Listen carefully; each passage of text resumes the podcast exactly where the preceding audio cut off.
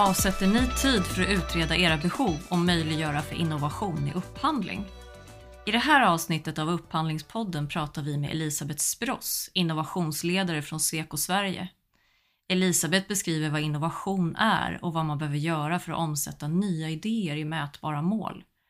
Innovation är enormt viktigt om vi ska kunna nå hållbarhetsmålen och därför behöver vi skapa utrymme för innovation i upphandling. Och för att göra det är det dags att börja arbeta med innovationsledning. Häng med och lyssna, nu gör vi upphandling lite bättre. Hej Elisabeth, vad kul att träffa dig. Hej, tack detsamma. Kul att vara här. Välkommen Elisabeth. Vem är du och vad gör du? Ja, jag heter Elisabeth Spross. Jag jobbar på Sweco och är innovationsansvarig på Sweco Sverige, vilket kortfattat innebär att jag eh, ansvarar för vår liksom, interna innovationssystem och vår innovationsmodell som vi har byggt upp de senaste tre åren ungefär. Och när jag inte gör det så jobbar jag också som innovationsledare åt kund och hjälper kunder egentligen som vill bygga upp sin innovationsförmåga, bli bättre på att jobba med liksom värdeskapande innovation. Vad är ett innovationssystem och vad är er innovationsmodell? Vad betyder det?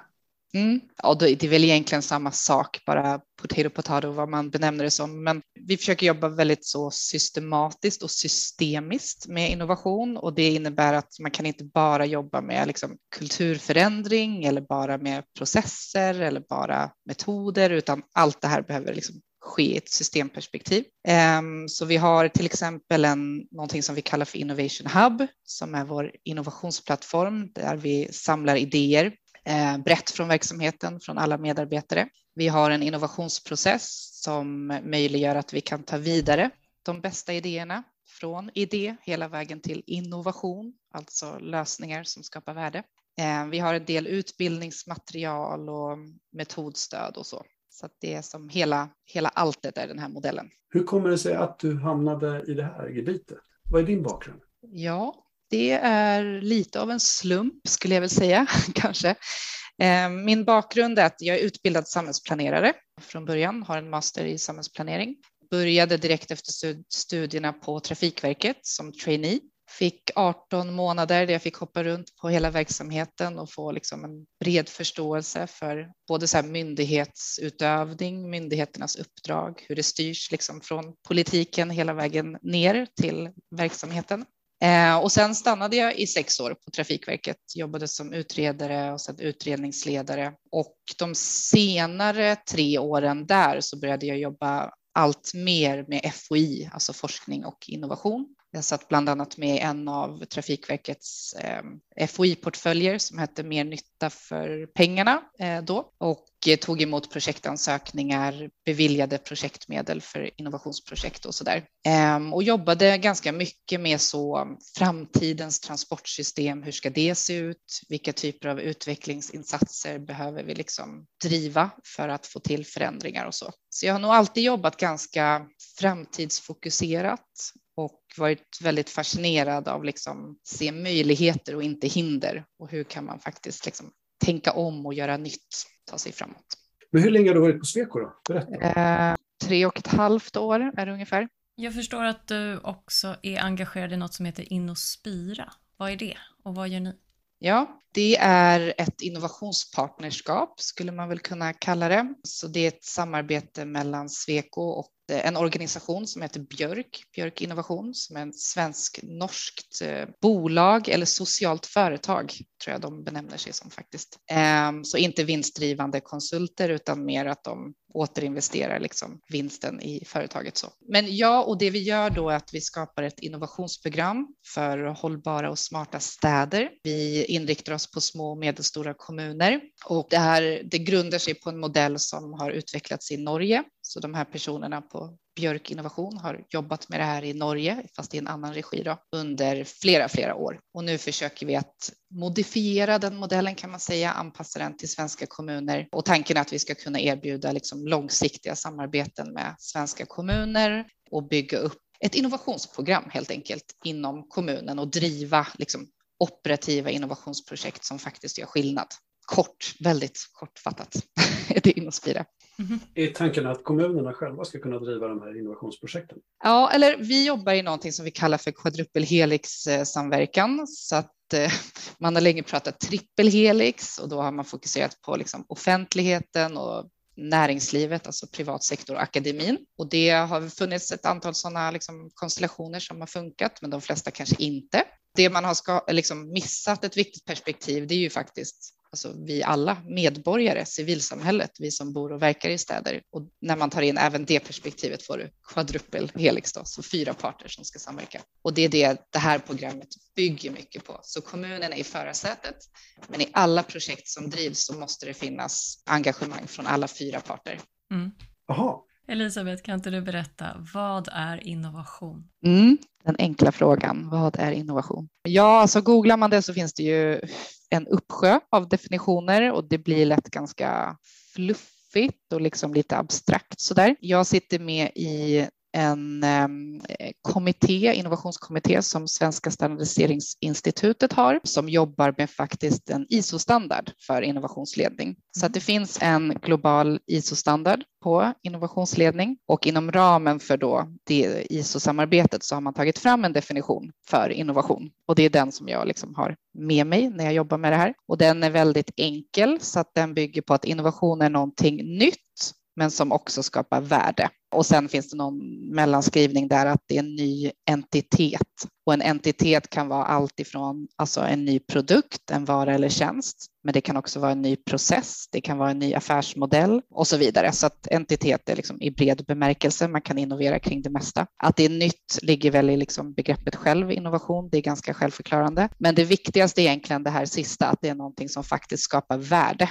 Så en idé till exempel är inte en innovation. En uppfinning är inte heller en innovation, för du kan uppfinna någonting, en smart gadget, en app som öppnar kylskåpet till exempel. Men är det lättare att bara gå till kylskåpet och öppna än att starta igång mobilen och trycka igång appen, ja, men då kanske inte är särskilt värdeskapande. Så har man med sig bara att innovation är någonting nytt som när man använder det, att, du, att det skapar värde för dig, ja, men då är det en innovation.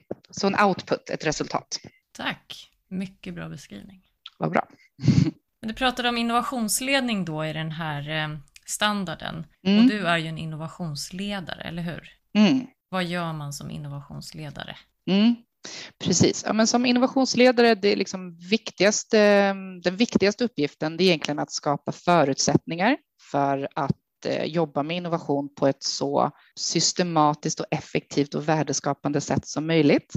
Sen skiljer det sig ganska mycket. Alltså innovationsledare i olika organisationer har lite olika roller. Jag har stött på många från både privat och offentlig sektor. Vissa jobbar väldigt strategiskt. Eh, man kanske ingår i ledningsgruppen och mest bygger liksom tar fram innovationsstrategier och följer upp innovationsprojekt och tillsätter innovationsbudgetar och så där. Men jag skulle nog säga att det vanligaste är att man har en mix av någon typ av strategiskt ansvar för innovationsverksamheten inom ett bolag eller en kommun, men att man också kanske driver innovationsprojekt eller åtminstone eh, är stöd till projektledare som driver innovationsprojekt. Så att man har, liksom, man har kompetensen, man kan föreslå vilka typer av processer och vilka typer av metoder och verktyg och så som passar för olika steg i, en, i ett innovationsprojekts eh, flöde. Liksom. Och sen kan det vara mycket sådana här utåtriktade aktiviteter också, alltså hålla ideation workshops till exempel eller att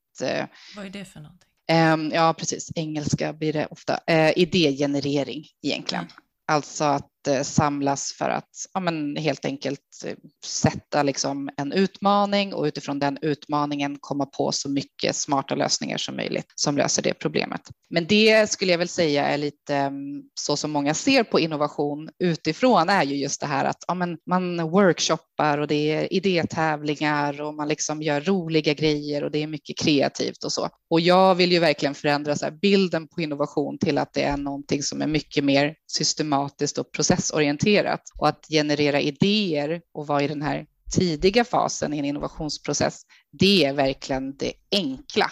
Alla kan träffas i en workshop och komma på bra idéer. Vi har väldigt mycket liksom kreativitet inom oss.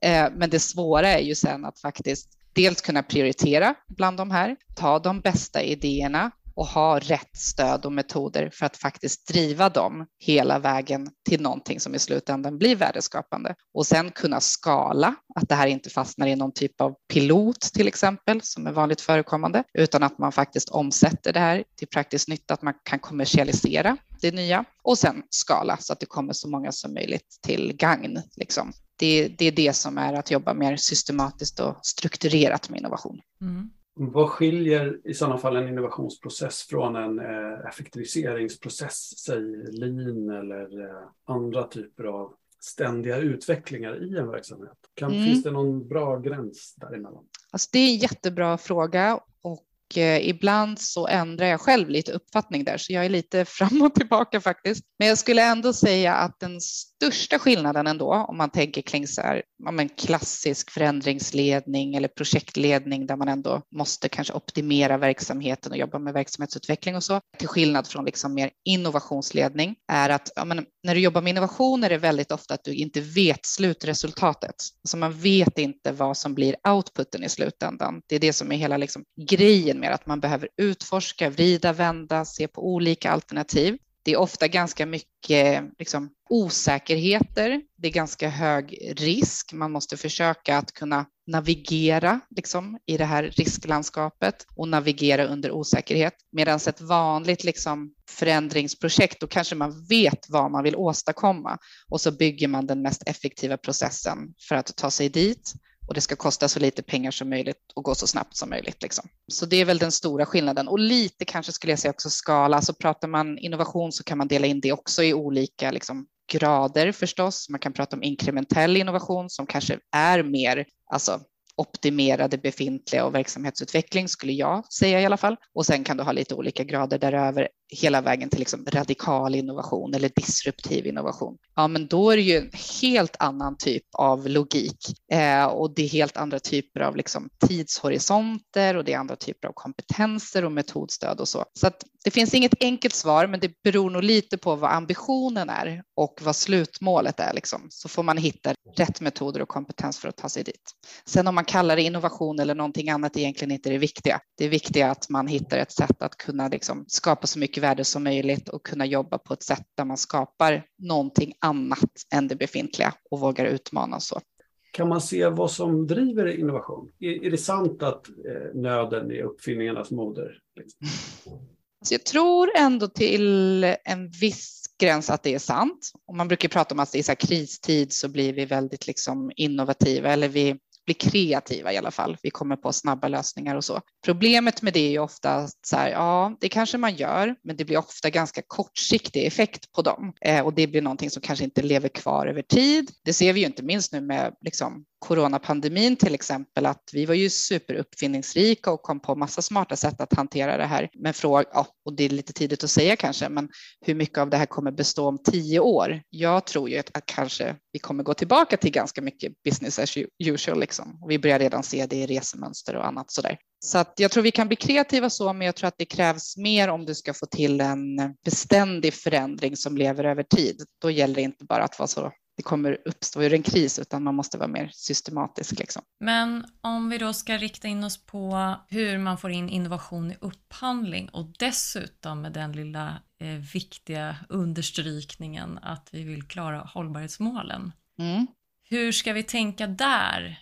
Och vad tycker du saknas i upphandlingar Jo, men dels kan vi väl ändå konstatera att det saknas ganska mycket fokus på just innovation och faktiskt hållbarhet i många upphandlingar. Och det man, man tror ju inte det om man hör hur samtalen går och om man ser liksom alla de ambitiösa hållbarhetsmålen och kollar man på kommuner och myndigheter och alltså även privatsektor faktiskt så har man ju brutit ner de här Agenda 2030 till sina egna hållbarhetsmål och de är oerhört ambitiösa vilket är jättebra. Men kollar man sen på vad som faktiskt efterfrågas i upphandling och liksom offentliga inköp så är det inte så mycket fokus. Så det finns liksom ett gap mellan ambition och det vi verkligen behöver göra för att nå målen och det som sen faktiskt efterfrågas och blir av då i alla de här projekten som vi upphandlar årligen. Liksom. Så att um, det, det finns mycket kvar att göra för att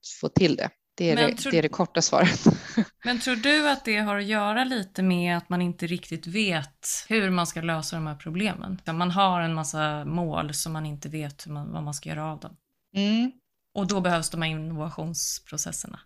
Så jag tror att det är en, det finns inte ett enkelt svar. Liksom, jag tror att det finns många olika anledningar. En anledning tror jag kan vara att de som kanske har satt de här målen är ju inte samma personer som sen upphandlar eller sätter en upphandlingsstrategi och framför allt inte de som sen ska projektleda alla de här projekten. Liksom. Så att man kanske inte har ja, men samsyn inom organisationen och det kanske inte är samma personer som har liksom suttit ner vid bordet och satt de här gemensamma målen och har förståelse för hur ska vi ta oss liksom hela vägen dit. Det tror jag är en sak. En annan sak tror jag att man ofta kanske förknippar alltså innovation med väldigt mycket risk. Om man tänker att ja, men, liksom upphandlar vi utifrån ett traditionellt förfarande, ja, men då liksom minimerar vi risken. Vi vet ungefär vad vi får ut i alla fall. Eh, vi kanske inte får så mycket överklaganden från leverantörerna och så vidare. Alltså, det är lite mer safe. Liksom. Eh, men ska man då börja införa någon typ av innovationsaspekt och man kanske inte ens vet vad ska man liksom mäta och följa upp på? Hur ska man utvärdera utifrån någon typ av innovationsförmåga kanske? Det, alltså förstår ni, det blir, det är någonting som jag tror att det behövs mycket utbildning eh, hos inköparna, alltså i de organisationerna. Jag vet att Upphandlingsmyndigheten har ju faktiskt mycket bra stöd och mycket bra material när det kommer till innovationsupphandling. Eh, och det finns ju olika liksom, förfaranden som man kan använda sig beroende av vad det är man står inför. Liksom. Ja, det är några saker. Sen tror jag det har med tid att göra också. Vad har man avsatt för tid? Eh, har man tid för att verkligen liksom utreda behovet och på ett tydligt sätt kunna beskriva det så man kanske kan upphandla på funktion snarare. Liksom. Man behöver göra både behovsanalyser och marknadsanalyser och annat, så att man behöver lägga ganska mycket tid på den här tidiga processen liksom innan man börjar ta fram upphandlingsdokumenten. Så. Och den tiden tror jag inte alltid kanske finns avsatt. Liksom. Så att, eh, ja, det är nog en mix av eh, olika anledningar, tror jag.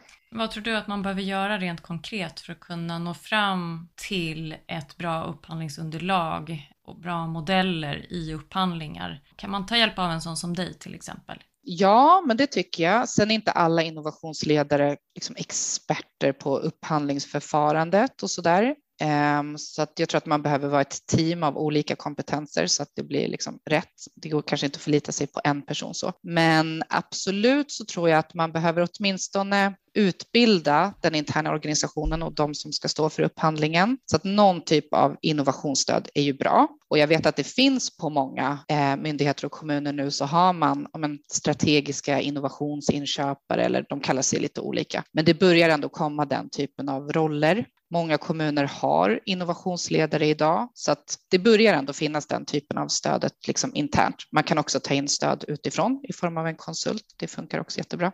Men jag tror att det är ganska, jag tror att man först behöver ha en, en, strategi, liksom, en upphandlingsstrategi som kanske utmanar lite det sättet man har tänkt på tidigare. Man behöver förstå att det är liksom en lärande process, att man kommer behöva göra liksom förändringar organisatoriskt. Man kanske kommer behöva följa upp på andra sätt än tidigare. Man kanske behöver ha ett typ av ledarskap och lite andra liksom incitamentstrukturer och så där. Så det är nog, alltså det är nog en, en resa om man vill göra det riktigt bra. Och det är kanske det som många också drar sig för, då, att man förstår att det kräver nog lite tid liksom för att få till det här. Men samtidigt om man tänker då på alternativet att Alltså bara för att det är jobbigt så betyder det ju att, inte att man inte ska göra det. Och alternativet till att inte göra det, det är att vi fortsätter liksom upphandla så som vi alltid har gjort och vi får ungefär samma resultat som vi alltid har fått. Och då kan vi ju verkligen glömma att nå hållbarhetsmålen till 2030.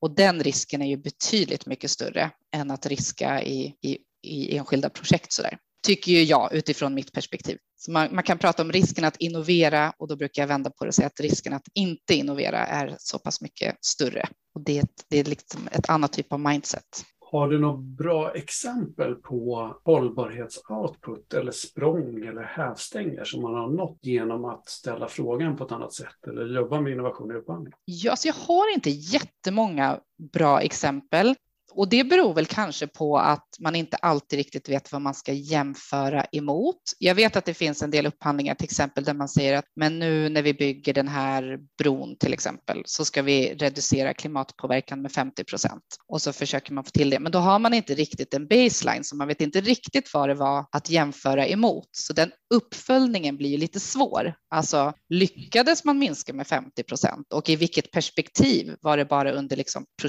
projektets tid eller liksom produktionsfasen när bygget var? Ja, det är ju bra, men vi vill ju ha någonting som lever kvar över tid, att den här bron, om vi tar en bro, då, är klimatsmart liksom under sin livslängd och under förvaltningen och så. Och det är väl för tidigt för att säga kanske, för vi inte har så många liksom, goda exempel.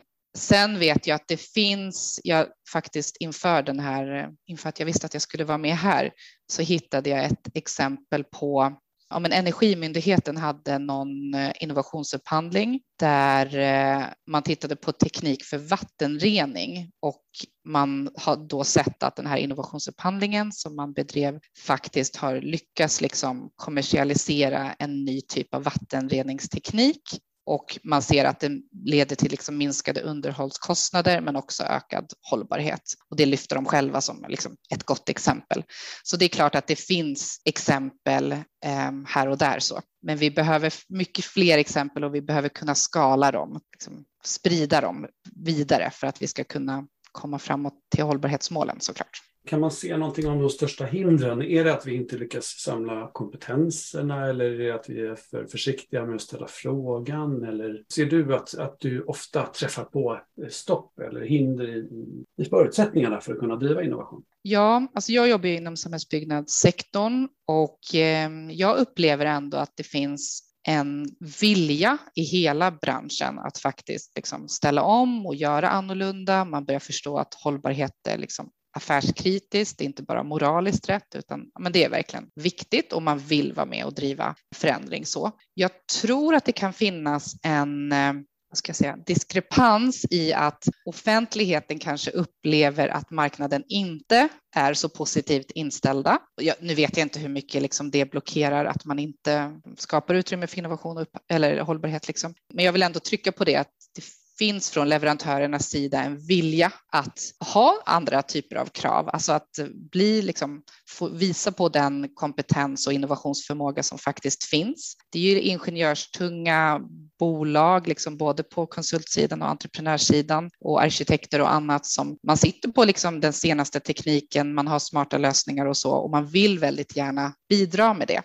Men man kanske inte upplever att det alltid finns förutsättningar. Och blir det liksom alldeles för detaljstyrt, då finns det, det finns alldeles för lite utrymme för att komma fram till någonting annat än det traditionella. Så. Har du någon känsla för hur man då kan skapa de här förutsättningarna i upphandlingar för att ge utrymmet då för leverantörer att kunna visa vad de går för? Mm, ja, och det är ju, alltså det korta svaret är ju utifrån innovationsupphandling. Sen finns det ju på olika sätt man kan jobba med innovationsupphandling förstås. En sån sak är till exempel att jobba med någon typ av bonussystem, alltså att driva incitament genom att leverantörerna får ja, men en ersättning när man kan bevisa ett värde. Så till exempel att ja, men nu togs det fram en ny lösning, ja, men den tycker vi är värd 100 000, vad vet jag. Men att man bygger utifrån, istället för viten så har man liksom bonusar för, för det bra som tas fram. Det är ett sätt. Det finns liksom möjligheter att ha mycket tidigare marknadsdialoger. Man kan jobba med allt utifrån sådana här RFI, Request for Information, alltså i ett tidigt skede, men också på andra sätt bjuda in liksom, intressenter från marknaden. Och det tror jag är bra, inte minst för att liksom få en tydlig behovsbild. Så att istället för att beställaren själv ska sitta på egen kammare och liksom beskriva behovet, att man faktiskt bjuder in branschen eller marknaden och att man tar fram den behovsbilden tillsammans, för då är den förankrad i alla led. Man står bakom den och jag tror också så här, om man nu är rädd för till exempel överklaganden och sånt så kanske den risken minskar lite när alla har fått vara med tidigt i processen. Så det tror jag ju också man kan göra oftare, vilket kräver mer tid. Så att det är ju mer omständigt på det sättet att man behöver ta höjd för, för mer tid liksom, i, en, i en tidigt skede. Sen tycker jag att det är ganska intressant med innovationspartnerskap. Och det är ju en ganska ny form av liksom innovationsupphandling, eh, åtminstone i Sverige. I Norge har man varit duktiga på det eh, ett tag nu. Men jag tror det är sedan 2017 eller något sånt där som, som man börjar kunna jobba på det sättet i Sverige. Och nu kan jag inte liksom exakta detaljerna, men man använder innovationspartnerskap som form när man vill ha ett mer liksom långsiktigt samarbete med en eller flera leverantörer och där man vill kunna gå Alltså både upphandla kompetens och know-how och få fram olika förslag, men också för själva inköpet av liksom produkten i slutändan. Annars brukar det vara två olika förfaranden och att man liksom styckar upp de processerna. Men i ett sånt här innovationspartnerskap så gör man då allting liksom inom ramen för samma upphandling. Så. Ja, så det, det finns liksom ett antal olika sätt och jag tror att man behöver kanske Ja, men man behöver ju dels förstå vilka olika sätt som finns och där återigen så tycker jag att Upphandlingsmyndigheten har mycket bra information kring det. Det finns också ett sånt här kompetensnätverk kan man väl kalla det som skapades för ett par år sedan tror jag, eh, som heter Afori som också handlar om liksom, ja, men hur kan man få in mer innovationsupphandlingar i offentliga inköp. Och de, jag var inne och tittade på deras hemsida bara för någon vecka sedan och de har också många goda exempel på där man har lyckats. Liksom. Så att, um, lär, lär, sig den, liksom, det utbudet och paletten som finns och sen börja värdera ja, men vilken passar bäst för just det här specifika projektet. Och man ska ju inte använda innovationsupphandling helt alltså ad hoc-mässigt bara för att, utan det behöver ju finnas ett behov och ett syfte att göra det. Finns det inte det, ja men då, då finns det liksom ingen poäng. Det ska ju vara någonting som leder till någonting bättre, inte bara till att det är jobbigt och omständigt. Så. Mm. Ja, men jag tänker på det du säger om, om eh, väl begränsande affärsmodeller och sådär som är lätta att hantera i upphandlingsskedet som kanske inte alltid eh, ger effekten av att kunna jobba långsiktigt eller kanske inte riktigt bjuder in till utveckling för, för leverantörens del heller. Mm. Det låter som en typisk upphandlarfälla att hamna i. Mm, just det. Jag affärsmodeller kanske... är ju svårt också. Ehm, eller liksom, om man tänker så här, men vad är offentlighetens ansvar kontra liksom näringslivets ansvar? Och vi ser, jag jobbar ju med mycket kommuner eh, som vill öka sin innovationsförmåga och liksom överlag bli mer innovativa. Och där går man ju från att ha liksom ett stort fokus på förvaltning, alltså man är förvaltningstunga organisationer. Man har en lång tradition av att optimera det befintliga kan man väl säga, men inte lika mycket erfarenheter av att liksom skapa framtiden eller att utforska nya möjligheter och så. Men nu ser vi ju att vi är i en tipping point där, men kommunerna behöver nog ta den rollen och städer och regioner liksom överlag. Eh, för gör man inte det, då kommer vi inte heller nå hållbarhetsmålen. Det räcker inte med att näringslivet tar fram ny teknik och så där, utan vi behöver liksom få med alla på den här förändringsresan. Så jag tycker att vi lever i en sån här, alltså det är en intressant tid nu där alla parter verkligen börjar förstå att så här, vi behöver nog göra någonting annorlunda. Och det är ju allt ifrån hur man organiserar sig till vilket typ av ledarskap man har, till hur man gör sina inköp, till hur man samarbetar. Ingen sitter ensam på lösningen, så vi behöver samarbeta mer. Hur skapar man utrymme för det i upphandling är också intressant. Affärsmodeller, Magnus, som du var inne på. Det finns så många liksom, viktiga aspekter som vi börjar prata om det mycket nu, men vi ser inte så mycket verkstad. Eller vi ser verkstad utifrån enstaka projekt och som sagt, det blir mycket pilotprojekt, men det är ganska lite som sen nyttiggörs och liksom verkligen når marknaden och skapar en långsiktig nytta. Det ser vi inte riktigt än. Ser du någon speciell eh, del av det offentliga segmentet som går i bräschen för just innovation? Oj, vilken bra fråga.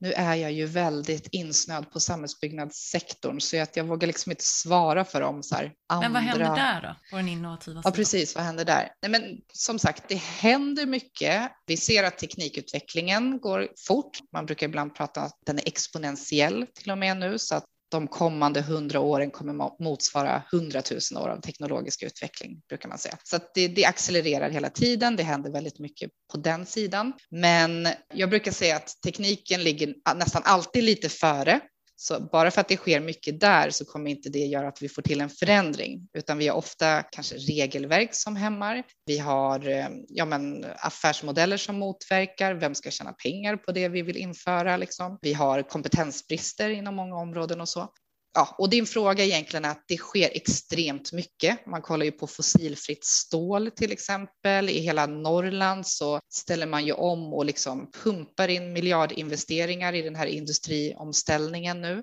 Vi ser hela samhällsbyggnadssektorn som börjar ta till sig kompetens, alltså utifrån hållbarhets och innovationskompetens, vilket man kanske inte hade på samma sätt för fem år sedan. Nu har vi till och med folk som är experter på cirkulär ekonomi och vi har hållbarhetschefer på alla nivåer och så. Så att när jag säger att det inte händer någonting så är det ju fel. Det händer ju extremt mycket. Men det som är lite synd är att vi inte riktigt ser effekterna av det ännu. Och det, där kan man titta på ja, men Agenda 2030-målen och så kan man bryta ner det på land, jag tror till och med stad faktiskt. Och så kan man se hur ser progressen ut? Hur långt har vi kommit sedan de lanserades till nu? Och där visar det ju inte på så glädjande utveckling. Och vissa mål går vi till och med åt motsatt håll, att de försämras. Så det är ett gap fortfarande i ambition och effekt. Finns det någon region eller någon stad som du har sett i en sån kartläggning? Finns det någonstans där man har sett att man har kommit fram? Någonstans i världen? Jo, men vi, kan, vi behöver inte gå utanför Sverige eh, egentligen för att vi kan titta på Helsingborg, en stad i södra Sverige som eh, ofta lyfts fram också som en väldigt så liksom, innovativ stad och en kommun där man verkligen fokuserar på det här. Och de är intressanta av den anledningen att de har ställt om hela sin organisation egentligen och ganska snabbt har de gjort det.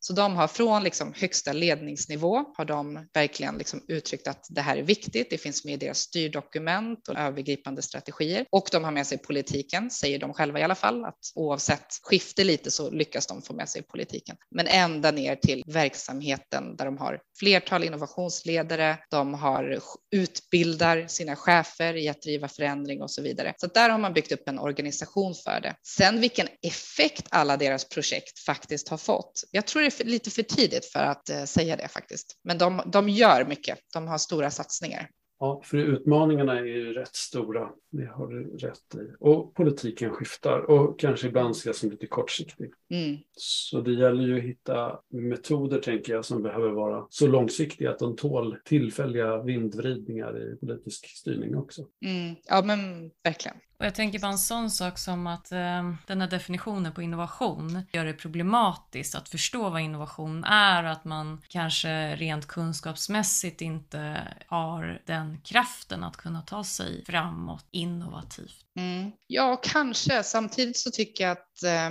nu pratade jag om den här ISO-definitionen. Kommuner har ju översatt den kan man säga och de brukar prata om att innovation är någonting nytt som är nyttigt och blir nyttiggjort. Och det är egentligen samma sak. Det är samma tänk, att det är någonting nytt som ska skapa värde. Det ska vara nyttigt och nyttiggjort för den som använder det. Liksom. Så att jag, jag tror ändå att man är så här hyfsat överens idag om vad det är. Jag tror mer det handlar om att det är en annan typ av kompetens och ledarskap lite grann. Och vi har många ledare som är tränade i att till varje pris, pris liksom minimera risk och kanske till varje pris ta bort osäkerheter och att effektivisera processer. Och det har varit mm. och är fortfarande, både liksom i privat sektor och offentlig, väldigt mycket kortsiktigt fokus. Alltså kollar man på näringslivet där jag jobbar, det är fortfarande mycket kvartalsrapportsuppföljning och sånt. Och jag menar inte att allt det här liksom bara ska bort, utan du behöver ha den typen av verksamhet också. Men det gäller att kunna balansera lite. Man brukar prata om den ambidextra organisationen och då handlar det om att kunna hantera de här två liksom, sidorna, att både kunna, men hela tiden utveckla kärnverksamheten och förvalta den på ett bra sätt och vara liksom duktig på det. Och det är ju vi väldigt tränade i, återigen, både inom offentlig och privat sektor. Men sen behöver man också ha den här andra sidan, eller andra hjärnhalvan, som handlar om att skapa framtiden, att utforska nya möjligheter, att våga riska mer, kolla på riskfördelning och så. Och de kräver lite olika typer av kompetenser och ledarskap och egenskaper. Så jag tror att en miss man ofta gör är att man kanske säger att ja, men den här verksamhetsutvecklaren som har jobbat här i 20 år, nu ska den också bli innovationsledare. Eller liksom den får också den rollen istället för att tänka, men det är kanske en annan typ av liksom kompetens som vi behöver här och då kanske vi behöver ta in en annan typ av person. Sen är det jättebra att verksamhetsutvecklaren också utvecklas i innovation, men ni förstår vad jag menar att man, man behöver kunna jobba med både och och det, det är väl den största utmaningen kanske för offentlig sektor framför allt att kunna balansera de två. Ja. Och sen vill jag också säga att så här, om man tycker att det är innovationsbegreppet i sig som är jobbigt, för jag kan själv uppleva det ibland att det blir så där Eh, lite skrämmande nästan. Det blir nästan lite så här eh, Nobelprisstämning, liksom. men jag är inte innovativ eller jag kan inte innovera eller min organisation jobbar inte med innovation. Så där. Och så skrapar man på ytan och så ser man, men det gör ni visst, ni gör jättemycket saker som klassas som innovation, liksom. men man ser sig inte själva som det. Och då kan jag nästan tycka, hamnar man där, så säg inte innovation då, säg någonting annat. Eh, för det är egentligen inte det som är det viktiga. Det viktiga är att liksom förstå vilket behov man har, sätta upp mål eller liksom funktion. Vart vill man komma? Vad vill man åstadkomma? Och sen öppna upp för möjligheter att det kan finnas olika vägar att ta sig dit. Och de olika vägarna behöver man utforska. Så man ska inte för tidigt bestämma sig för att vi ska bygga någonting precis så här eller vi ska köpa exakt det här, utan vad är det man vill åstadkomma? Vad är behovet? Vad ska vi lösa? Och sen låt marknaden liksom vara kreativ och innovativ och komma med olika lösningar. Sen behöver man inte kalla det innovation. Man kan kalla det ja, lösningar för ökad hållbarhet eller vad som helst egentligen. Mm. Om det blir hämmande menar jag. Men vad skulle du vilja se mer av i upphandlingar? Något enkelt tips så att man liksom successivt börjar trappa upp de här eh, möjligheterna och förutsättningarna? Mm. Ja, men dels så tänker jag att man kan göra väldigt mycket inom ramen för LOU. Eh, det beror på helt hur man tolkar LOU och jag tror många tolkar det väldigt snävt och blir väldigt rädda för att göra fel och då liksom tar man inte de möjligheterna som finns. Så man behöver ju, det är ju inte alltid du behöver söka dig utanför LOU, utan det finns väldigt mycket möjligheter, liksom, även om man håller sig inom det regelverket. Och det behöver man kanske först förstå, liksom, vilka möjligheter som finns. Och sen om man inte vill slå på stora trumman och göra liksom kanske en förkommersiell upphandling eller någon typ av innovationsupphandling med jättemånga faser där det ska vara ersättning för varje steg och så. Ja, men då kanske man kan börja med att ha någon typ av förhandlat förfarande, tror jag man brukar kalla det. Alltså att det ändå finns utrymme att prata med leverantörerna liksom under tidens gång, att det finns lite utrymme för förhandling, att man kanske kan styra om lite under processens gång. För jag tror att det, det sämsta är ju när alla förutsättningar är låsta redan från början, när det inte finns något utrymme för att tänka och göra annorlunda. Det, det är det som såklart absolut dödar innovationskraftens mest. Ehm, och det andra är väl alltså bjud in marknaden i så tidigt skede som man bara kan och gärna liksom redan när man ska spesa och formulera behovet. Ehm, för har man en gemensam problembild som alla står bakom, då tror jag att man tjänar ganska mycket på nästkommande steg i processen också. Sen vet jag inte om de var enkla tips, men eh, det tänker jag att det kan man försöka göra i alla fall. Ja, jag tänker att man behöver börja i det lilla. Förstå. Och det här med just att man kan låsa in sig i att LOU är så stelt och här har vi inga möjligheter alls. Det är väl kanske ett väldigt bra tips tycker jag, att börja där. Mm. Och sen börja utbilda som sagt. Trafikverket som jag jobbar på innan jag kom till Sweco, där har man eh, sådana strategiska inköpare för innovation och man har ett sådant innovationsråd liksom kopplat till inköpsorganisationen. De har tagit fram en jättebra utbildning. Eh, jag har sett det materialet när jag jobbar på Trafikverket och utbildar liksom inköpsorganisationen, men även andra eh, roller, så från andra verksamhetsområden också, eftersom de personerna kommer ju sen sedan in i projekten. Och det tycker jag är liksom helt rätt väg att gå och se över sin upphandlingsstrategi och vissa kallar det för affärsstrategi. Det skiljer sig lite i offentlig sektor vad man kallar det, verksamhetsstrategi. Men alltså titta på den och hur kan man kanske börja göra på lite andra sätt för att faktiskt skapa mer utrymme för innovation.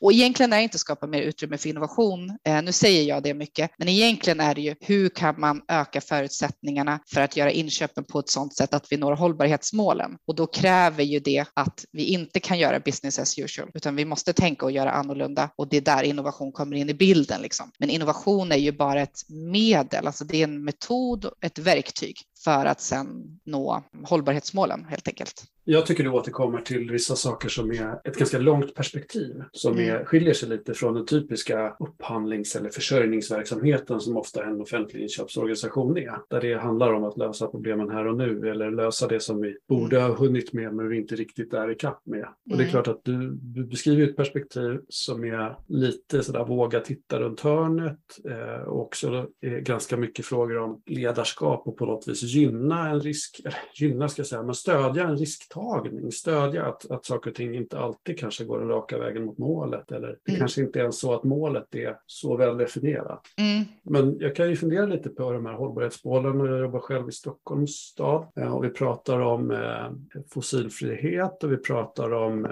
klimatneutrala vid en viss tidpunkt och vi pratar om klimatpositiva vid en annan tidpunkt. Men även om målen ser väldigt långsiktiga ut så rusar vi på något vis raka vägen mot dem. 2030 är i praktiken nu sex eller sju år bort egentligen och det är inte så lång tid i en offentlig planeringshorisont heller. Det är rätt mycket vi gör och pratar vi ramavtalsförsörjning som är fyra år i taget eller något sånt där. Det, mm. det är rätt mycket vi måste planera för att göra nu. Mm, verkligen. Och det är därför jag tror inte att det räcker med de här liksom, inkrementella förändringarna utan vi behöver också göra saker på radikalt annorlunda sätt faktiskt. Och det är här den här risktagningen och liksom Liksom våga och tänka i ett större liksom livscykelperspektiv också. För som du är inne på, det blir väldigt projektifierat eller snuttifierat kan man ju också kalla det. Liksom. Det blir väldigt isolerade resultat i ett avgränsat område och vi lyckas inte skala upp det så att det ger liksom stor effekt. Men kanske är inte projektform alltid den bästa formen. Man kanske behöver ibland tänka mer program, liksom ta större grepp. Jag vet att det finns vissa exempel, men de är nog ganska ovanliga, men där till exempel kommuner har gått ihop. Det finns något sådant exempel som heter KASAM, som jag inte kommer ihåg nu vad det står för, men där det är väl fem kommuner tror jag som har gått ihop i någon typ av partnerskap och upphandlar liksom saker tillsammans. Sen tror jag fortfarande att det är liksom i ganska tidigt skede, så jag vet inte riktigt vilka resultat det har gett och så.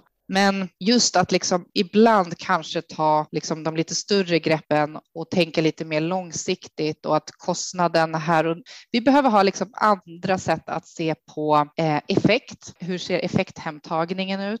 Hur, eh, men hur följer man upp ett innovationsprojekt som kanske tar lite längre tid och där liksom effekten kanske kommer i ett lite senare skede, men den effekten som kommer i ett senare skede kanske har hämtat hem den initiala investeringen på fem år. Liksom. Alltså man behöver ha en annan logik i hur man räknar på, på investering och liksom avkastning. Så. Och det, där tror jag att det finns väldigt mycket forskning på det, men det är kanske inte så mycket som, liksom har, som organisationer faktiskt har tagit till sig och börjat inarbeta i sina egna organisationer. Liksom. Ja, för jag tänker också hur man mäter värden. Ja. Det, är alltid, det är inte alltid pengar och det kan vara jättesvårt att sätta mm. en siffra på ett värde? Hur mäter man det? Mm. Ja, men precis. Och just vad gäller så här att om man vill ha en innovationsupphandling till exempel, hur mäter man en leverantörs innovationsförmåga till exempel? Det är ju jättesvårt. Det blir ju lätt godtyckligt. Man kan skriva jättemycket att man har massa bra innovationsgrejer, liksom, men hur, ja, vad betyder det egentligen? Liksom? Jag tror ju mer på att man får försöka hitta liksom, mål som kanske kopplar an till ja, det man faktiskt ska uppnå. Alltså vi ska ja, men till exempel då, reducera koldioxidutsläppen så här pass mycket och vi vet vad vi ska jämföra det emot. Så att vi har en jämförelselinje. Eller vi ska minska byggarbetsplatsolyckorna med så här många. Eller vi ska liksom digitalisera sån här stor andel av verksamheten. Eller vad det nu kan vara. Liksom. Men alltså att hitta de mervärdena som man vill uppnå och sen utifrån dem försöka beskriva att ska vi uppnå dem, då behöver vi ha ett innovativt arbetssätt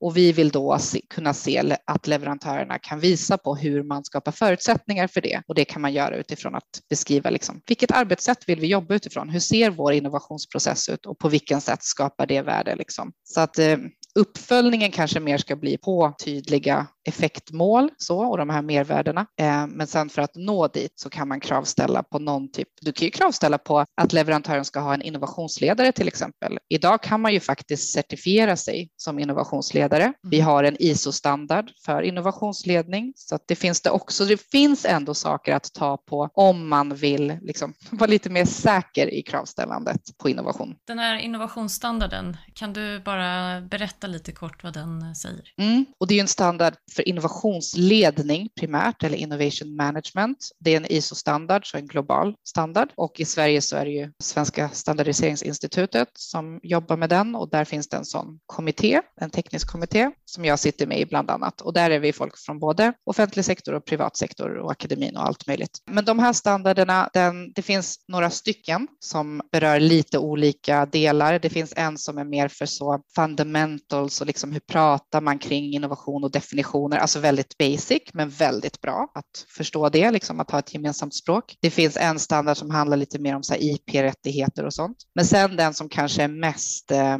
välkänd eller liksom som man har kommit längst med, det är den standarden som beskriver ett innovationsledningssystem och då beskriver man precis som organisationer har kvalitetsledningssystem och miljöledningssystem så ser man också att alla välfungerande organisationer behöver också ett innovationsledningssystem och de här tre behöver liksom föda varandra. Och i ett sådant innovationsledningssystem, väldigt förenklat, eh, så finns det liksom olika komponenter som behöver man behöver jobba med tillsammans.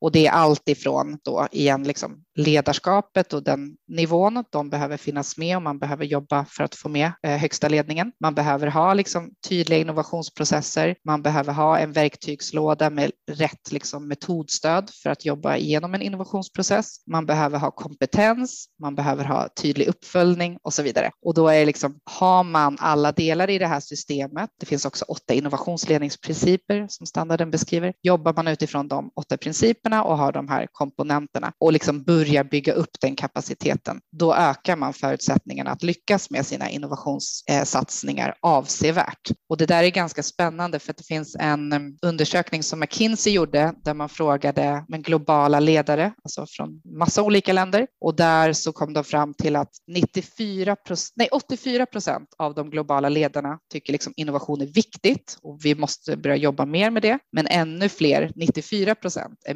missnöjda med sina innovationssatsningar. Och det möter ju jag också. Det är det klassiska när jag möter kunder, att man säger så här, men vi har satsat jättemycket pengar på att innovera och vi håller vår årliga tävling och vi samlar in idéer och vi håller workshops, men det händer ju liksom ingenting. Och det är det som hela den här ISO-standarden för innovationsledning försöker svara på, eller liksom hitta ett sätt att jobba med innovation på ett mer strukturerat sätt, på ett mer systematiskt och ett mer systemiskt sätt. Och genom att då använda ja, men, riktlinjerna egentligen liksom Liksom, och vägledningen i standarderna så skapar man möjligheter för att lyckas helt enkelt. Så det är väldigt spännande eh, och fler börjar få upp ögonen för det, även om den fortfarande är liksom hyfsat okänd. Men jag har sett några förfrågningar även till oss på Sweco där man har liksom efterfrågat lite kompetens kopplat till innovationsledningsstandarden. Så att Mm, det börjar dyka upp. Och den är vägledande ska jag säga, så det är ingen kravstandard. Det finns inga krav i den, men det är en sån. Man kan använda den som ja, allt utifrån liksom att börja bygga upp innovationsledningsförmåga, ta liksom stöd från standarden till uppföljning. Man kan använda den som en checklista att se liksom har man klarat av och jobbat på sättet som standarden förespråkar. Så, så att, mm, det är ett tips om man vill börja jobba mer strukturerat med innovation. Mm, bra. Jättetack. Jag känner att jag har med mig mycket som jag inte visste alls. jag också. Otroligt bra. Ja. Vad bra. Och, och både strukturer och konkreta områden. Så det känns eh, både inspirerande och lite betryggande kan jag säga. Ja, vad kul. Jag har ett otroligt behov av att bryta ner saker i konkreta åtgärder för att se vad som verkligen är, Ja, är av värde. För ja, det är många som pratar mycket och det tar tid att bedriva förändring mm, och det tar tid att driva verksamhet. Oron är ju alltid att, att vi ägnar för mycket kraft åt fel saker. mm. Elisabeth, Mm. eh, jobbar du någonting för att själv vara ute och påverka branschen? Mm, det gör jag. Alltså, och, vad, och vad gör du då? Hur kan man som leverantör vara med och påverka för att eh, få till det här? Ja, och det kan man ju göra på olika sätt förstås. Jag sitter med i styrelsen för något som heter Innovationsledarna, som är en eh, yrkesförening för innovationsledare. Då. Och där träffas vi, ja, det är från privat sektor, offentlig sektor, akademin. Vi har allt ifrån H&M till liksom Sweco kommuner, så att det är en stor spännvidd och det är ett väldigt bra forum att ja, men liksom utbyta erfarenheter, få goda exempel, träffa andra som förstår utmaningarna med att jobba som innovationsledare. Det är inte alltid världens mest liksom, tacksamma jobb, utan det är utmanande och kämpigt och så. Och genom den föreningen så försöker vi väldigt mycket driva liksom, utvecklingen av innovationsledare som en profession, alltså att det är en, en riktig profession. Man kan utbilda sig till innovationsledare på flera universitet och högskolor idag och vi försöker liksom stärka den eh, yrkesrollen genom den här föreningen. Så det är ju ett sätt. Jag sitter också med i någonting som heter Nyttiggörande utskottet för IQ samhällsbyggnad som är ett sånt eh, ja, men innovationsprogram eller liksom forum som driver mer det här nyttiggörande aspekten av kunskap och forskning. Alltså hur får man ut det till att faktiskt omsättas i praktiken? Ja, innovation egentligen till att bli innovation och pratar i ganska mycket olika forum. Jag är med på mycket inspirationsföreläsningar och workshops och sånt. Så jag har ju ett stort samhällsintresse kan jag säga och försöker driva på så mycket jag kan även utanför Sweco-kontexten där det går. Och det finns många som gör det och det är det som är kul att se att jag liksom återträffar folk från alla möjliga håll och kanter som verkligen har ett sånt brinnande engagemang och som vill få till förändring. Och jag tycker att det blir fler och fler så att mm. det är kul att se. Mm. Det här fick jag veta ganska nyligen faktiskt. Jag hade själv missat det. Men det är att Vinnova har någonting som de kallar för innovationscheckar checkar eh, och jag tror att de först tog fram för små och medelstora företag. Men sen har man utvecklat det där vidare så att nu är det för offentlig sektor, alltså inköpsorganisationer som då kan ansöka om sådana här checkar när man ska starta en innovationsupphandling. Så man kan alltså få finansiellt medel från Vinnova för att faktiskt liksom, genomföra en innovationsupphandling. Och jag tyckte det lät så jäkla bra, för om det kan liksom, sänka tröskeln för att ta det beslutet och våga testa det för att du kan få en typ av medfinansiering i det och också stödet från Vinnova, för de sitter ju på mycket kompetens kopplat till innovationsupphandling, så är ju det toppen. Så det är väl ett tips för de som inte vet om att det finns, att kolla upp möjligheten att söka innovationscheckar. Ja, toppen. Mm. Eh, visst finns det någonting som heter innovationsföretagens upphandlingsråd också? Vet du vad det är? Mm. Ja, jag är inte jätteinsatt, men jag vet att innovationsföretagen har ett upphandlingsråd och jag vet att de eh, ofta liksom, de driver ju också den frågan väldigt mycket i branschen, alltså behovet av innovation för att nå hållbarhetsmålen, men också för att liksom öka produktiviteten i sektorn och sånt där. Och det finns ju också den här Afori som jag nämnde, som är den här nya arenan för innovationsupphandling. Eh, upphandlingsmyndigheten som sagt har mycket bra information och även Vinnova. Så att jag tycker, alltså jag bara googlade inför den här podden och skulle titta lite vad som finns och det kom ju upp hur mycket som helst. Så att eh, vill man lära sig mer så finns det. Det är inte det som är, eh, är bristen skulle jag säga. Det finns mycket nyttig information.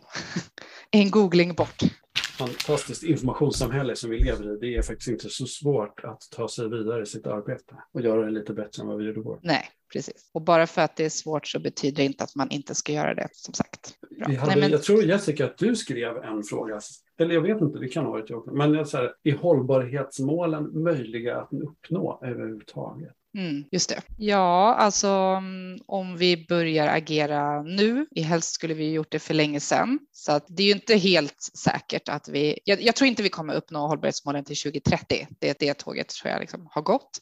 Var någonstans eh, faller vi? Alltså vad är, vad är vi sämst? Ja, men det är ju själva liksom genomförande förmågan, alltså att faktiskt få ut saker i verkligheten och skala upp det så att inte alla smarta lösningar stannar i ett forskningsprojekt eller innovation innovationsprojekt eller pilotas. Och, alltså det är ju väldigt mycket som tar sig till pilotstadier men som sen inte liksom når marknaden och ja, men kommer ut på riktigt. Liksom. Så att jag tror att det är mycket det här att öka genomförandeförmågan och få ut mer saker i verkligheten. Sen tror jag också att det måste ju finnas liksom politisk vilja, alltså från start. Det räcker inte med, alltså börjar man i ett upphandlingsskede till exempel så är det alldeles för sent, utan det måste ju liksom vara inskrivet i, ja, men, i den politiska styrningen och de viktiga styrdokumenten från början liksom. Och som sagt, det ska inte ha ett beroende av vilket, ja, rådan, vilken, liksom, vilket politiskt, eh, vilka som styr helt enkelt här och nu, utan det vet vi kommer ändras över tid. Eh, men vi kan ju inte ändra liksom hållbarhetsfokuset över tid, eller i alla fall inte för,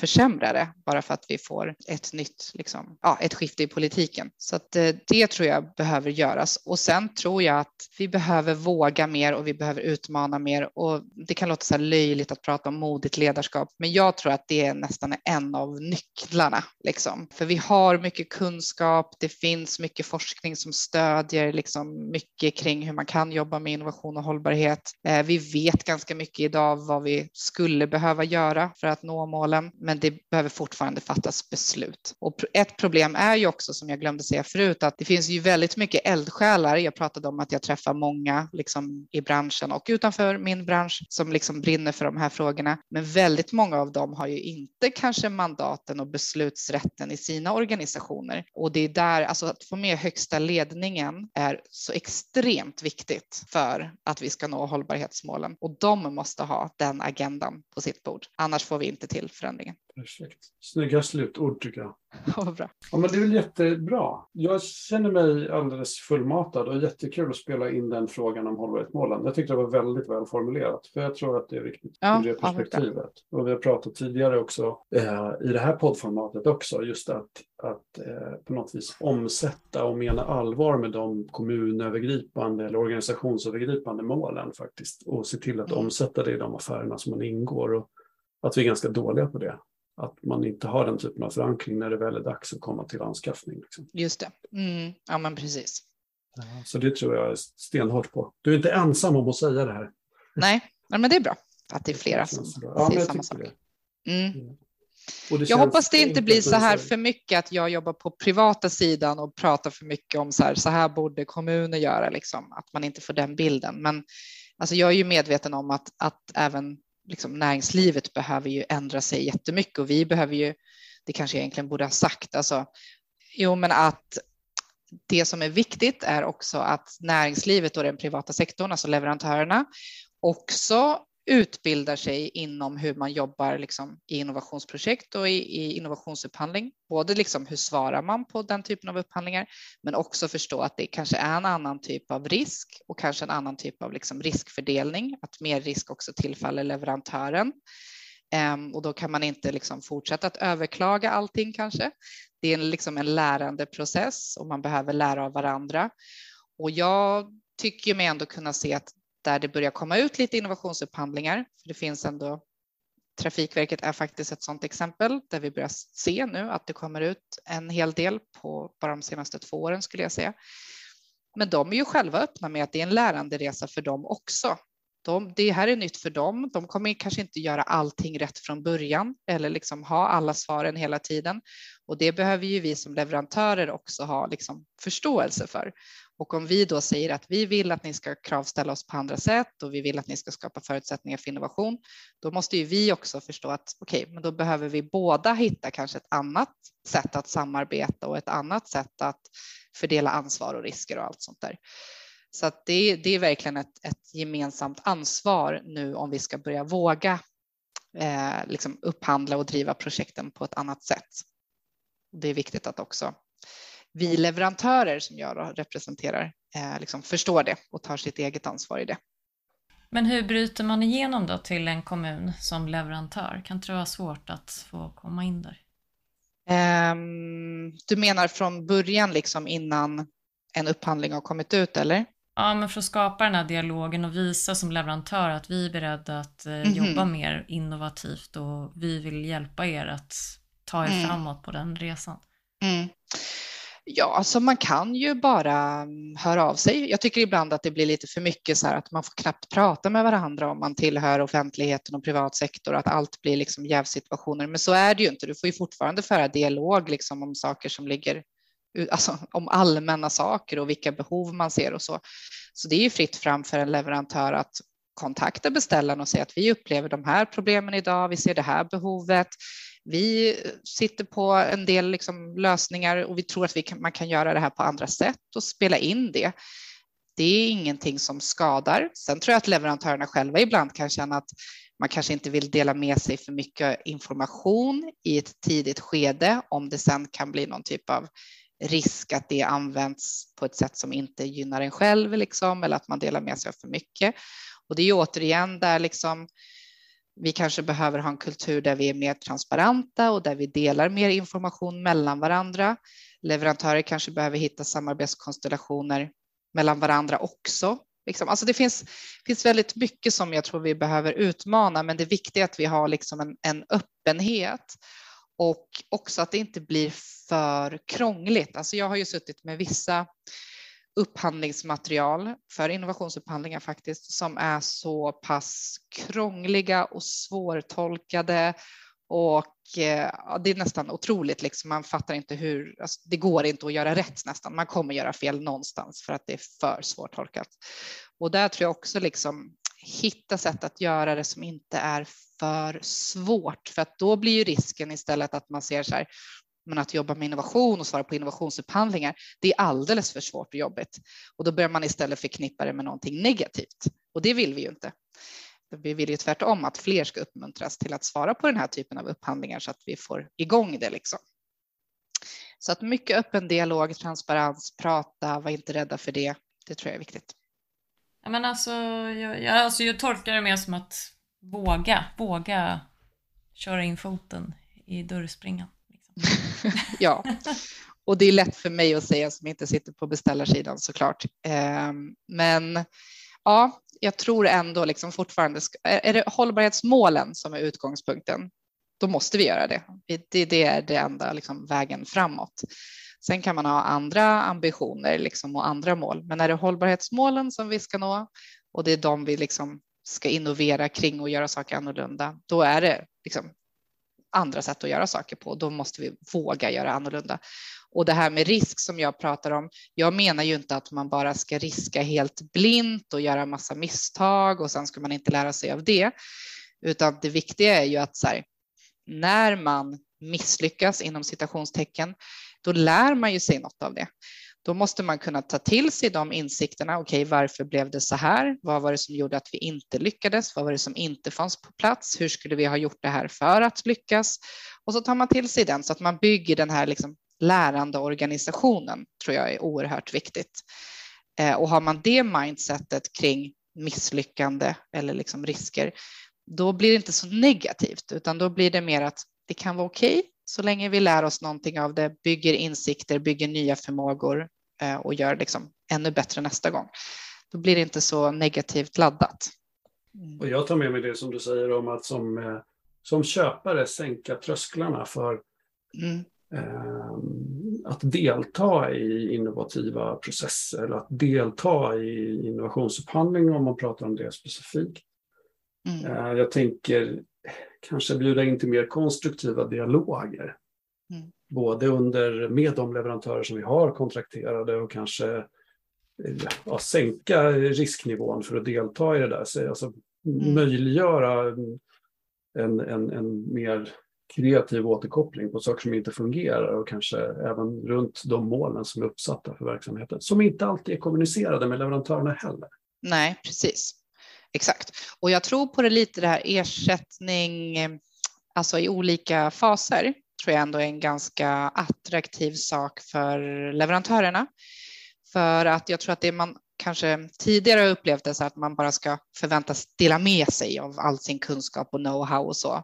Men man har ju ingen aning om du sen liksom kommer vidare i upphandlingen och får någon typ av ersättning längre fram. Men kan man liksom stycka upp den där processen där man säger att ja, men, ni får också en viss ersättning, kanske inte jättestor, men ni får en ersättning av att komma med era lösningsförslag och då kanske alla ser att det är tio leverantörer som gör det. Alla ni får en ersättning. Sen kanske vi väljer ut tre som får liksom förfina sin lösning, konkretisera den. Ja, då kanske de får en ersättning, de här tre, för att de gjorde det jobbet och sen kanske det är en som vinner, liksom. Mm. ja, vinner själva projektet i slutändan. Det tror jag är ett väldigt bra sätt att få in fler, alltså att engagera marknaden och få in fler leverantörer. Ehm, och som upphandlare eller liksom beställare så är ju det toppen, för då får du ju, du får ju så mycket mer ut av marknaden eftersom att du får lösningsförslag och inspel och perspektiv från mycket fler aktörer. Det tror jag är ett bra sätt framåt. Försöka stycka upp det i olika liksom, faser som egentligen är innovationsupphandlings liksom, essens lite grann att göra det från liksom det här mer utforskandet till liksom utveckling sen. Probleminventering och liksom beskrivning av mål, ett tydliggörande av målen eller utmaningarna på ett annat sätt kanske är det som vi som sitter på den offentliga sidan behöver göra. Det är inte mm. vi själva som självklart innoverar. Utan Nej. Det är typiskt sett så att saker och ting händer eller det som är de stora skeendena händer ju i andra på andra händer. Det händer i näringslivet eller det händer i forskarvärlden eller det händer i någonting i ett annat mm. sammanhang. Liksom. Men det är mm. klart att kan man vara tydlig med vad som behöver göras, då är det kanske ger bättre förutsättningar. Mm. Absolut. Ja, men precis. Jag som konsult då känner att eh, på upphandlingssidan då är jag konsult och där mm. behöver jag kräva mer specifika mål av mina beställare. För att det är kanske sällan så, utan det är lite det här business as, as usual. Mm. Gör lite som vi gjorde förra gången, fast vi Mm. tweakar de här små problemen som vi har haft under tiden. Och då ställer vi inte om tillräckligt snabbt ju. Nej. Vem har du som eh, innovationsidol? Så jag tycker att eh, Magnus Karlsson som är eh, ordförande i den här SIS-kommittén och han kommer från KTH, eller är fortfarande på KTH, forskar i innovationsledning och jobbar också en deltid på RISE. Han har många hattar. Men han är väl liksom en av de främsta liksom vad gäller att jobba så där systematiskt och systemiskt med innovation. Och det är han som har drivit liksom innovationsledningsstandarderna i Sverige eh, och bildat den här yrkesföreningen Innovationsledarna och så. Så han är väl en sån som jag beundrar för hans engagemang, liksom att han orkar driva frågan så pass brett och så. En förebild. Det, det är en bra förebild. Ja. Mm. Jag tänker om vi ska bjuda in någon hit till Upphandlingspodden för att prata mer om hållbarhet och innovation, kanske i, ur kanske något annat perspektiv. Vem skulle du tipsa oss om då? Bra fråga. Jag tycker det skulle vara intressant om ni pratar också om lite mer digitalisering. Alltså så här, eh, ja, men hur kan man också med liksom offentliga inköp skapa förutsättningar för, att, för digitalisering? Och både kanske så här, men alltså öka den digitala mognaden generellt, men också så här införa nya digitala lösningar på ett annat sätt än idag. För att vi vet ju att vi kommer leva i ett mer digitaliserat samhälle liksom, och de som inte ställer om till det kanske inte kommer finnas kvar om fem år eller tio år. Ja, precis, jag tänker på det du säger, att man ska fortsätta med de processerna och det som man har haft tidigare, men man ska ställa om också och också jobba Mm. med innovation. Och sen kanske man också ska jobba med någonting annat. Så här, då måste man ju effektivisera sitt arbete på, eh, på ett sätt. Du kan ju inte bara öka på Ja, öka verkligen. på.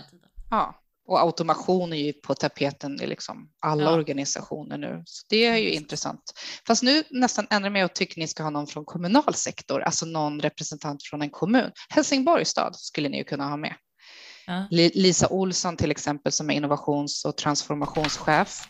Hon blev också årets innovationsledare eh, förra året och de är ju så duktiga i Helsingborg. Alltså, det är ju bara intressant att höra hur de, alltså som kommun är ju unika skulle jag säga. Liksom. Men även deras stadsdirektör, alltså det var väl men alltså det har verkligen funnits från högsta ledningsnivån så har man haft den här ambitionen. Och nu ska de, de eh, Elisabeth, är inte du kursledare också? Jo, det är jag ju faktiskt. Eh, sen ganska nyligen så har Bergs, alltså School of Communication, som är traditionellt PR kan man säga, skola, eh, har faktiskt gjort en stor satsning som de kallar för Urban Planning and Design. Och inom ramen för det liksom nya programmet så har man skapat fyra kurser, varav en kurs heter innovationsledning för hållbara städer. Och det är den kursen som jag tillsammans med en kollega kommer att leda med start nu i vinter. Um, och det är också spännande att se att till och med liksom den sektorn, alltså som pratar om kommunikation och liksom journalistik och men mer den sfären börjar också se att så här, ja, men man kanske borde prata om hållbarhet och innovation på ett annat sätt. Storytelling kanske blir intressant om vi ska förändra världen eller nå hållbarhetsmålen. Kommuner kanske behöver berätta sin story på ett annat sätt och få med sig medborgarna och sånt där. Så att jag ser jättemycket fram emot att få hålla den kursen på Bergs. Hur söker Mm. man sig dit om man vill gå den? Ehm, ja, men det, på Bergs hemsida så kan man söka sig fram till alla kurser de har. Eh, enklast kanske att googla innovationsledning för hållbar stadsutveckling så får man upp information när den startar och kursbeskrivning och så där. Stort tack Elisabeth. Stort tack. Tack själva. Härligt. Och vi har dragit över tiden också, har vi gjort. Om man skulle vilja komma i kontakt med dig, var Mm. finns du? Ja, men jag finns ju på Sweco. Ehm, det enklaste kanske ändå är att eh, komma i kontakt med mig på LinkedIn. Jag är den enda i Sverige som heter Elisabeth Spross. Så att det är lätt att hitta mig. Tack för att just du är intresserad av att höja nivån inom upphandling. Finns det någon särskild fråga du skulle vilja ha svar på eller någon viktig person där ute som du anser behöver få göra sin röst hörd i podden? Hör av dig till oss. Du hittar oss på upphandlingspodden.se. Varmt tack till Erik Stridell på Bybrick som komponerat Upphandlingspoddens jingel. Ha det gott!